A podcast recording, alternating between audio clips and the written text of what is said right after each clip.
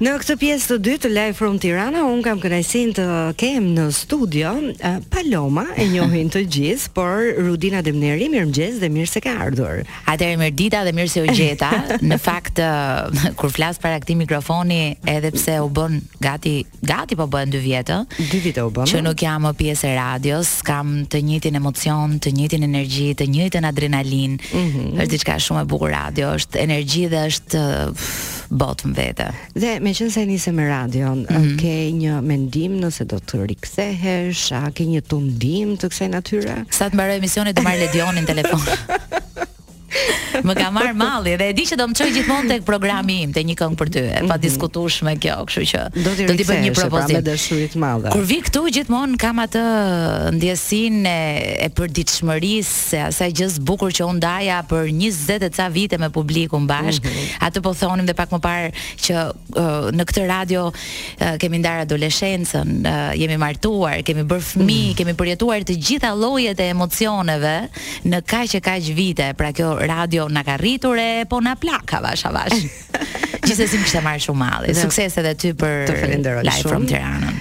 Dhe kuptohet që do ta nisim pak bisedën në lidhje me Big Brother. Yes. VIP treshi, edhe ti ke qenë pjesë e Big Brotherit, por do të ngacmoj pak më vonë se si e kujton sot këtë eksperiencë. Dua ta nisim kështu, duke qenë se është e martë dhe dikush do të dalë nga shtëpia.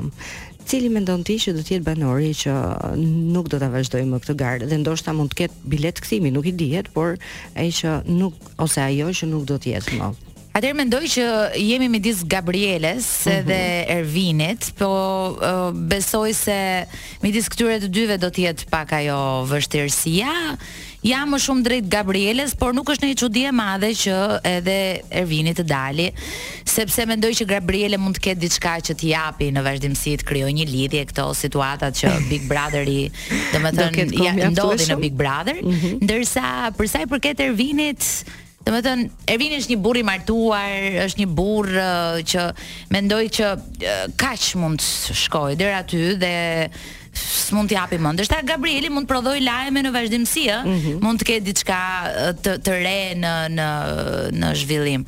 Kështu që nuk i dihet, jam midis këtyre të dyve skeptike pa ja vënë gishtin konkretisht kujt, por më shumë tash ku anoj. E kuptoj, por mendon që krijimi i lidhjeve të shpëton nga situata brenda shtëpisë? Tani njërin e shpëton, tjetrin e çon edhe në hije. Varet sepse uh, Nëse një lojtar është i fortë, nuk ka nevojë të krijojë lidhje aty brenda. Nëse ato ndodhin spontanisht, kjo është vërtetuar edhe te edicioni i parë ku Angeli që u bashkua me Daxin nuk kishte fare nevojë për të rënë në sy nëpërmjet një lidhjeje sepse Angeli e kishte potencialin për të mbrojtur veten, për t'i bërë ballë të gjithë situatave dhe për të shijuar edhe atë marrëdhënie që kishte aty me Daksin. Pra varet, është është për shembull në lidhje me elementët e tjerë, ëh, mm -hmm. ndodhi e kundërta, ranë në hije, humbën dhe në fund fare dolën ashtu. Kështu që nuk është e thënë. Është sik me Për shembull edhe Kiara në mm. në edicionin e dytë me Luizin kanë treguar që ishin një çift që tërhoqën vëmendjen maksimale dhe ishin unik në komente, në interesa, edhe sot vazhdojnë të jenë në top për sa i përket uh, shikueshmërisë, interesit. si të marri. Mm. Domethënë Big Brother është si të marri. Ndonjëherë ti mund të kesh, mund të përgatitësh gjithë potencialin tënd, po kur të dalin situata të paparashikuara, ose varet dhe sa emocional je si person pastaj. Varet kë ke përballë. Jam shumë kureshtare të di duke qënë se ti e ke provuar si eksperiencë. Mm. A futesh me një ide të qartë në mendje dhe pastaj mund të ndryshojë dinamika dinamika brenda shtëpisë. Kur hyra pra, në Big Brother, objektiv në mendje? Patjetër, kur hyra në Big Brother, në fakt un jam futur vetëm për qejf sepse kam thënë që në fillim që doja ta shijoja si përvojë. Ishte një përvojë që është edhe e mirë dhe e vështirë, por uh, aty ditët uh, orët duken ditë mm -hmm. dhe je shumë emocionale dhe tipat emotivë aty e përjetojnë pesë fish më shumë dhe nuk u futa me strategji, u futa thjesht për ta shijuar lojën dhe mendoj se edicioni i parë ka qenë edicioni më paqësor që mund të ekzistojë ndonjëherë. Këtë e thonë të gjithë në fakt. dhe njerëz të cilët donin të shijonin njëri tjetrin, të shijonin atë aventurë të bukur, të preknin çdo gjë që ishte në atë shtëpi, ta kuptonin sepse as asnjëri nga ne nuk po e besonte që ishte reale. Pra, ishim më të përmbajtur, më të kulturuar, ishim një kast më më i qetë, Pra neve duhet na provokonin që të të të të, të shpërthenim deri diku. dhe shpërthimet tona nuk janë as një e dhjeta atyre çka ka ndodhur në shtëpinë e dytë dhe në shtëpinë e tretë ose në edicionin e dytë. Do ta vazhdojmë bisedën, por fillimisht do të shkojmë tek Tove Lo me këngën e saj realizuar vitin e kaluar. Elevator Eyes. Paloma dua ta vazhdojmë pak bisedën me një trekëndësh. Brenda shtëpisë së Big Brother. Aha. E kam fjalën për Meritonin, Ilnisën dhe Rikja. Mm. E kanë plasur këto uh, skenat e para të xhelozisë. Moj ti një gjë nuk kuptova unë një herë, mm. se se kishte nisur një aventurë midis Rikes dhe Don dhe Romeos. Rom mm -hmm. se i ngatërroj unë këta të dy gjithmonë. S'ka gjë vëllezër. Por uh, por nuk e kuptova pse ngeci, pse këta filluan mos pëlqeheshin më, domethënë shumë e habitshme kjo kthesa që bën, sepse po të shikosh uh, Rika ishte all in tek uh, Romeo. Mm. Prandaj nuk e di tani ç'ne që kaloi te Meritoni e ka pasur gjithmonë qejf Riken, në Rike ë siç e kam thënë gjithmonë ka qenë e përqendruar te Romeo, as nuk e shihte fare me atë sy, Tani që bëri këtë vetëdeklarimin që unë nuk më pëlqen Romeo në atë sens, po e kam xhan. Po. Kaloi dhe i mëshoi Meritonit. Pra, uh, kjo gjë u shpallën edhe si shokë të ngushtë. Dhe si shokë të ngushtë, pra u bë një çorbë aty që s'merret vesh. Megjithatë, me sa kuptoj, është ende nuk janë pozicionuar ende, janë lëmsh dhe nuk e kuptojnë akoma çfarë identiteti kanë në atë shtëpi. Dhe kjo gjëja po më tremb sepse është java e tretë dhe mm -hmm. deri diku do ishin pozicionuar dhe nuk e kuptojnë çfarë duan, kë duan sepse kur ke një pëlqim absolut për dikë, je e fokusuar aty dhe nuk ke frikë as ta shprehësh atë gjë. Tani Rikja herë andej herë këtej tani filloi t'i interesojë Meritoni ose ndoshta po e bën këtë për të për të prishur këtë murin midis Ilnisës edhe ë edhe Meritonit. Nuk e di se kush është qëllimi, shpar, domethënë pak orë më parë dëgjova një deklaratë që thoshte çiftet që lidhen këtu janë në hije, pra e humbin lojën, unë dua të jem e vetme, nuk e kuptoj mm -hmm. identitetin e Rikës akoma. Disa herë madje Rika po, pra, që do ta vazhdoj lojën e vetme që dhe nuk është e vetme. Pse mërzitet Ilnisa në këtë rast, nëse Ilnisa është aq e fortë dhe ka aq besim te Meritoni, Nuk ka pse t'i trembet Rikes dhe aq më tepër dhe te ato deklaratat që ishin fare të pahijshme për një gocë të zgjuar siç është Ilnisa. Megjithatë, ë ky vetëbesimi që krijoi tek mhm. personazhi i preferuar i kësaj jave e ka bërë të lëshohet pak, po Big Brother është gjithmonë i surprizave. Jo gjithmonë ti mund të jesh një personazh i preferuar. Kjo mund të jetë edhe një lojë që Big Brother-i ty ta bën për të parë deri ku ti arrin. Kështu që unë kështu e mendoj dhe e kam mhm. perceptuar si lojë, ndoshta jam dhe e gabuar, flas vetëm mendimin tim. Si, si publik, ti je nga si jashtë si publik. Po edhe duartrokitjet nuk janë absolutisht ndonjëherë të favorshme për ty, ëh. Po pse çfarë ndodh? Ti krijon pastaj gjëra të gabuara? Po, si funksionon? Dhe fillon e nxjerr atë anën tënde të të pakompleksuar. Pra mm -hmm. deri në këtë moment e je kompleksuar sepse O bobo, si do transmetohet dhe po si mund t'ia fitoj në këtë mënyrë po publikun për vete kur merr një duartrokitje dhe duket sikur ty në ato çaste të japin të drejtë, aty ti je, domethënë është thikë me dy presa për ty. Hmm, e hmm. kuptova. dhe Ilnisa me sa kuptoj u lëshua tani krijoi këtë vetëbesimin që është e preferuar një duartrokitje dy. Edhe e preferuar nga publiku po, pra, dhe preferuar një lloj. Dhe këtu Ilnisa tani nuk po përmbahet më, në fakt Kjo është shumë e gabuar, ë. Ti duhet të jesh ai që je, brenda asaj që ti ke perceptuar të jesh në lojë.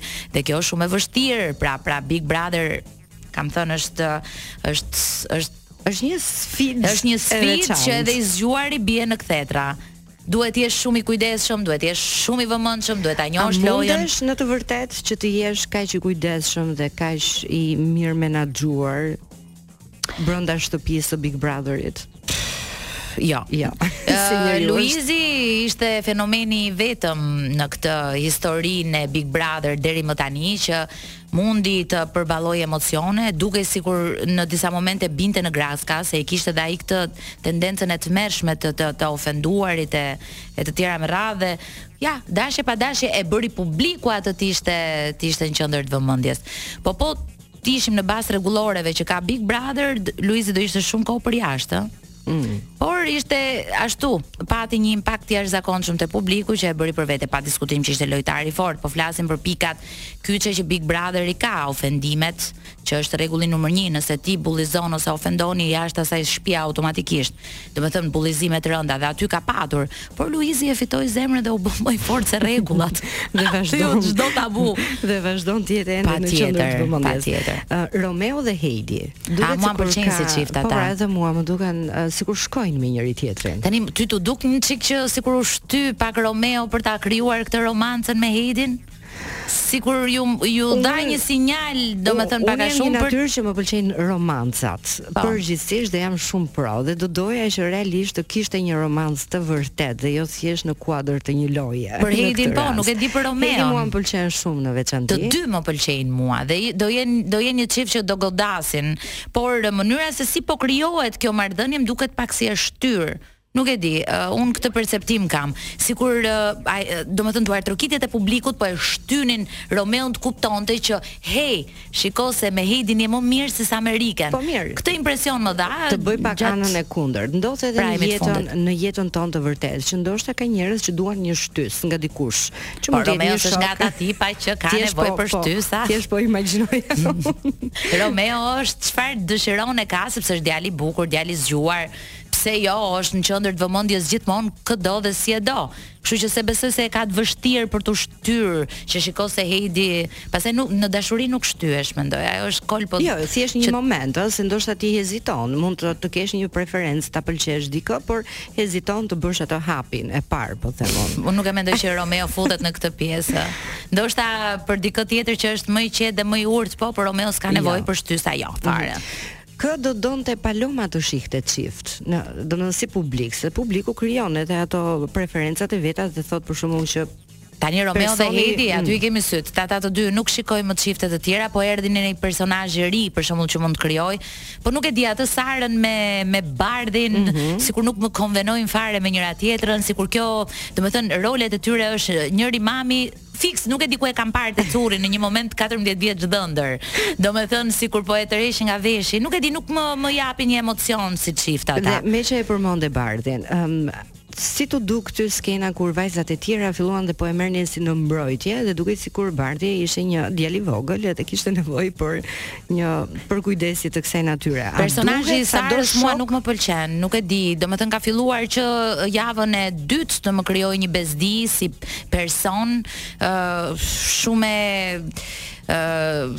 nuk nuk e di, nuk e akoma nuk e thjesht ndjej që nuk më jep një energji pozitive ajo ajo goca aty në shtëpi. shumë nuk e perceptoj dot ende personazhin e saj, po thjesht nuk më tërheq fare. Ëh, mm -hmm. uh, sikur që me frazën do t'i haj të gjithë për mëngjes, më duket si ato kuçedrat dhe shtrigat që, uh, që përpiqen të të të lënë një shije të jashtë të, të të keqe, kur njeriu mundohet të japi një imazh të mirë aty brenda. S'e kuptoj pse kanë dhe gjithë këtë urrejtje me njëra-tjetrën, sidomos femrat S'e di, është shumë e shëmtuar që të gjithë femrat janë kundra njëra-tjetrës dhe urrejnë njëra-tjetrën.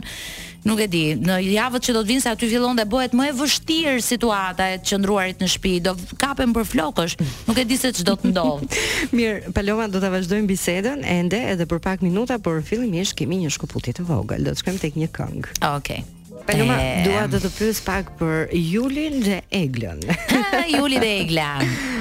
Tani ë ky Arbër Hajdari është një çik i poshtër në fakt sepse gjithmonë na na na na çpërqendron tek kur fillojmë dhe krijojmë idenë për një mhm. marrëdhënie midis Julit edhe Eglës. Tani kanë janë miq apo s'janë miq?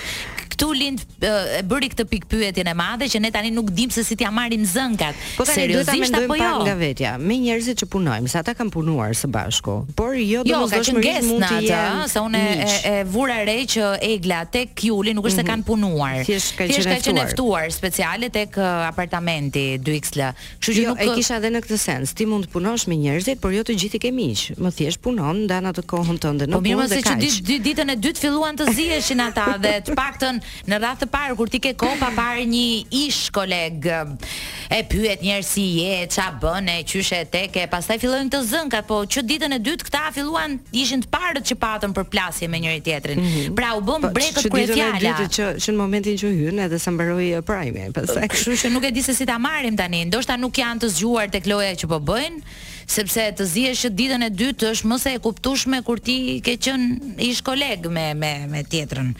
por nuk nuk nuk e kuptoj fare. Gjithsesi, ajo që mua më jep vetëm një dyshim të vogël që janë apo s'janë shok është mm -hmm. kur mhm. u prek familja e Julit, sepse të arrish të degradojë biseda deri aty nuk mund të jesh më aktor, ë. Nuk mund të jesh më brenda aktrimit. Kështu që na mbetet për sepse është vetëm java e tretë dhe y, kemi 4 muaj për të njohur e stërnjohur e për të analizuar prapë për të u rikthyer prapë historive. Kështu që shumë herët për të përcaktuar ë uh, gjithë secilin aty brenda. Shumë personazhe ndyrë. Roza, ndryshe, në rahu, mhm. Roza na ka humbur. Nuk e dimë se po, ku po. është Roza. Roza që ne presim të shpërthejë. Megjithatë Roza ka këtë pasigurinë edhe unë e kam pasur brenda. Obobo. Çfarë po mendojnë ata? Mos po bëj keq. Duartrokitjet pa diskutim për mua kanë qenë uh, kanë qenë uh, pra duke sikur në drejtimi uh. drejtimi më i madh i sjelljes time brenda në shtëpi uh mhm. -huh. orientimi me pak fjalë se s'po gjejmë dhe fjalët e duhura s'e kemi pi kafen akoma dhe kështu që uh, Roza e pa që në disa momente nuk u përkrah nga duartrokitjet dhe filloi op të tërhiqej e pa prap mori një sinjal tjetër që shiko se unë s'dola as e preferuar se unë jam Roza Lati njerëzit mezi po më prisnin pse duhet të pse mos jem në qendër të vëmendjes, pse nuk mos marr feedback-un që po kërkoj. Prap është tërhequr për të kuptuar se cila do të jetë loja e saj. Por një njeri kur futet aty brenda nuk ka nevojë të krijojë strategjira. Domethënë duhet të shikojë një herë terrenin, pastaj ti je të dalë në origjinë tek ai që është. Sado ti të mundohesh ta aktrosh, do të dalësh një moment tek ai që je. Tani, duke qenë se ata që janë brenda shtëpisë së Big Brother, kanë parë Big Brother, unë po merrem vetëm me VIP-at, sepse Big Brother ka një jetë më të gjatë se Big Brother VIP, por ndoshta kanë marrë informacione dhe kanë studiuar lojën e personave që kanë qenë tek i pari dhe tek i dyti si e mendon këtë. Tek ta një herë nuk po shoh asgjë. Mm -hmm. Gjithsesi mundohen deri diku që të të, të dikush të jetë si Luizi, dikush të jetë si Olta, dikush të jetë si Iliri, dikush të jetë si Donaldi. Kush është si Luizi ose kush pretendon që të po bën Luizin? Po na u nis Juli një herë si Luizi në fillim fare, pastaj doli që Juli nuk ka lidhje fare, por mundohet herë pas here të të të të kopjoj deri diku uh, Luizin, por nuk e di Luizi e ka në karakter tipin e vet, nuk nuk mund ta ndryshojë dhe nuk mund të jesh kopje e kërkujt aty brenda, është gabimi dhe gafa më e madhe. Ëh, mm -hmm. uh, kush po bën si Olta? Më duket Ilnisa në ca momente si Olta, por Ilnisa nuk e ka gjetur atë uh, kundërshtarin e vet akoma aty brenda, por mundohet që të të të të jetë një ndër elementët kryesorë të këtij Big Brotheri. Domethënë, Ilnisa po mundohet ta pozicionojë veten, por nuk po gjen atë tjetrin që po përpiqet po ashtu të pozicionojë veten si si si Ilnisa. Me kë do të shkonte Ilnisa? Shiko, unë mendoj që tani Ilnisa ka një shumë kimi me Albin dhe mendoj se do do pozicionohen në kahe të kundra, të kundërt së shpejti dhe do krijojnë aleancat e tyre. Ë uh, Albi do ketë grupin e tij, Ilnisa do ketë grupin e saj, pra do kemi një një përballje uh, midis uh, Ilnisës dhe Albit së shpejti. Tani po qeshin, po argëtohen, po e njohin njëri tjetrin, derisa të kuptojnë dhe tipin, po mendoj që ai që po e blen më shumë në këtë rast është Albi me qetësinë e tij. Kështu që presim nga ky Big Brother, seç filluan të më ngjallen disa shpresa, se deri ë ë deri para pak ditësh thoja o bo bo ç'do ndodhë, o bo bo si do shtyhet, o bo bo çfarë po bëjnë. Por po pozicionohen deri diku. Dhe ndryshe nga vitet e kaluara ka më shumë personazhe brenda shtëpisë, sa janë deri tani? 27 e kam e kam harruar numrin. Do futen besoj të tjerë, por gjithsesi ë uh, mendoj që me hyrjen e Albit sikur po ndryshojnë edhe dinamikat, ë dhe Albi është nuk është më pak se sa nervi i Ilnisës, kështu që do ketë do ketë shumë ngjarje aty brenda dhe mendoj që kjo përplasja do jetë pa diskutim e para. Kush janë personazhet, po e them në shumës, se ndoshta janë më shumë se një që i preferon dhe do që t'i shohësh sa më gjatë në shtëpi dhe kush janë më pak të preferuarit e tu? Tani unë i dua shumë Merin edhe Gazin, nuk e di se sa të dashur janë për një pjesë, po për mua mua më argëtojnë dhe ata që më japin tani energji pozitive është pikërisht Meri dhe Gazi. Meri mos ta ngacmosh se Meri po doli jashtë vetes fillon dhe nuk e mendon më atë që thotë, por realisht në atë shtëpinë na ka dhënë shumë energji pozitive aty brenda. Kemi qeshur me Merin, Meri ka luajtur me të gjithë, Meri ë pak a shumë ka qenë edhe kryefjala e situatave të këndshme që gazmore po e quajmë. Memeve mund të themi që mhm. mban ka thyer rekordin deri tani në këtë edicion. Kështu që më pëlqen edhe Gazi me atë humorin e vet, sepse Gazi Ka punuar mes femrave dhe punon mes femrave dhe e di mirë t'i menaxhojë situatat dhe nuk e di, më duket ndonjëherë si kryetar i shtëpisë aty, kështu për sa i përket muhabeteve dhe dallavereve. Kështu që këta të dy më kënaqin deri në këtë moment, kurse antipatikët uh -huh. thashë, kjo uh, Sara s'më pëlqen hiç, po hiç fare. Po pse? Ëh, është, nuk e di, në disa momente shumë arrogante, shumë e pasjellshme, nuk i mendon fare ato që thotë. Ëh, kjo marrëdhënia një herë me këtë Bardhin s'më krijon fare as edhe një lloj emocioni. Nuk e di, sepse ndoshta edhe gaboj dhe nxitohem, por deri në këto çaste është Ajo jo, që po, mua më krijon shumë bezdi. Po mendoja pak në lidhje me çiftin, Sara dhe Bardhi. Ndoshta Bardhi është pak më natyrë e qetë, më e shtruar, po edhe Sara. Po i pëlqejnë ndoshta më... këto tipat Bardhit, se s'ka mundësi domethënë i, i e tërheqin ndoshta poli i kundërt i Bardhit.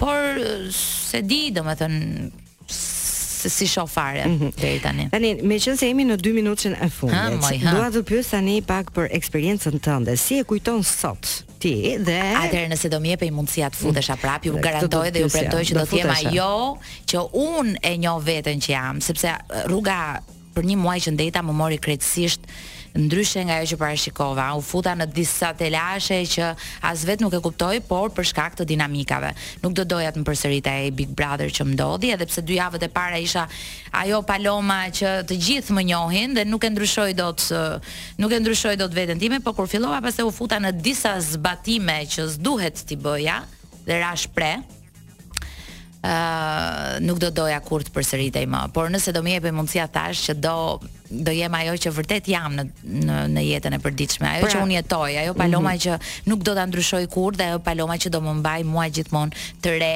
në shpirt. Do ta riprovoje eksperiencën dhe do të futesh me një ide tjetër. Po, po do ta provoja nëse do të bëhej një përmbledhje e edicioneve, gjithë edicioneve. jo të futesha të futesha në një edicion rastësor uh, me njerëz të rinj. Pra do të provoja nga nga të gjitha edicionet do doja që të isha një nga elementët.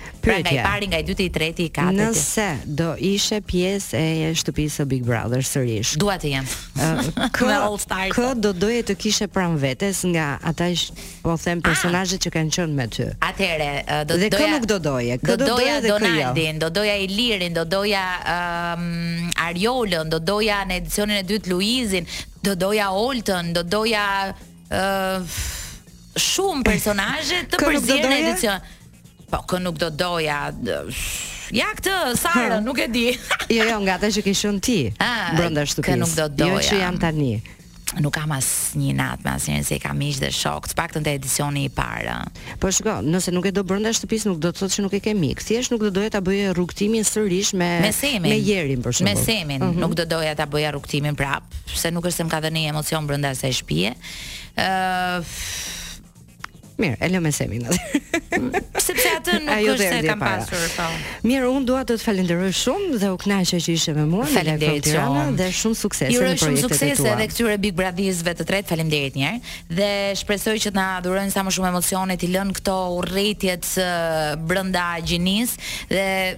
Forca e argumentit është gjëja më e rëndësishme që duhet të kemi të gjithë ne dhe mos ta humbasim në asnjë moment sepse fitojmë mbi të gjitha dhe japim një mesazh shumë të rëndësishëm tek tek ata të cilët shpenzojnë kohën duke na ndjekur e duke na parë. Të paktën ky është mesazhi që uroj që ata ta perceptojnë tek njëri tjetri. Faleminderit shumë e dashur. Ju uroj dhe unë suksese.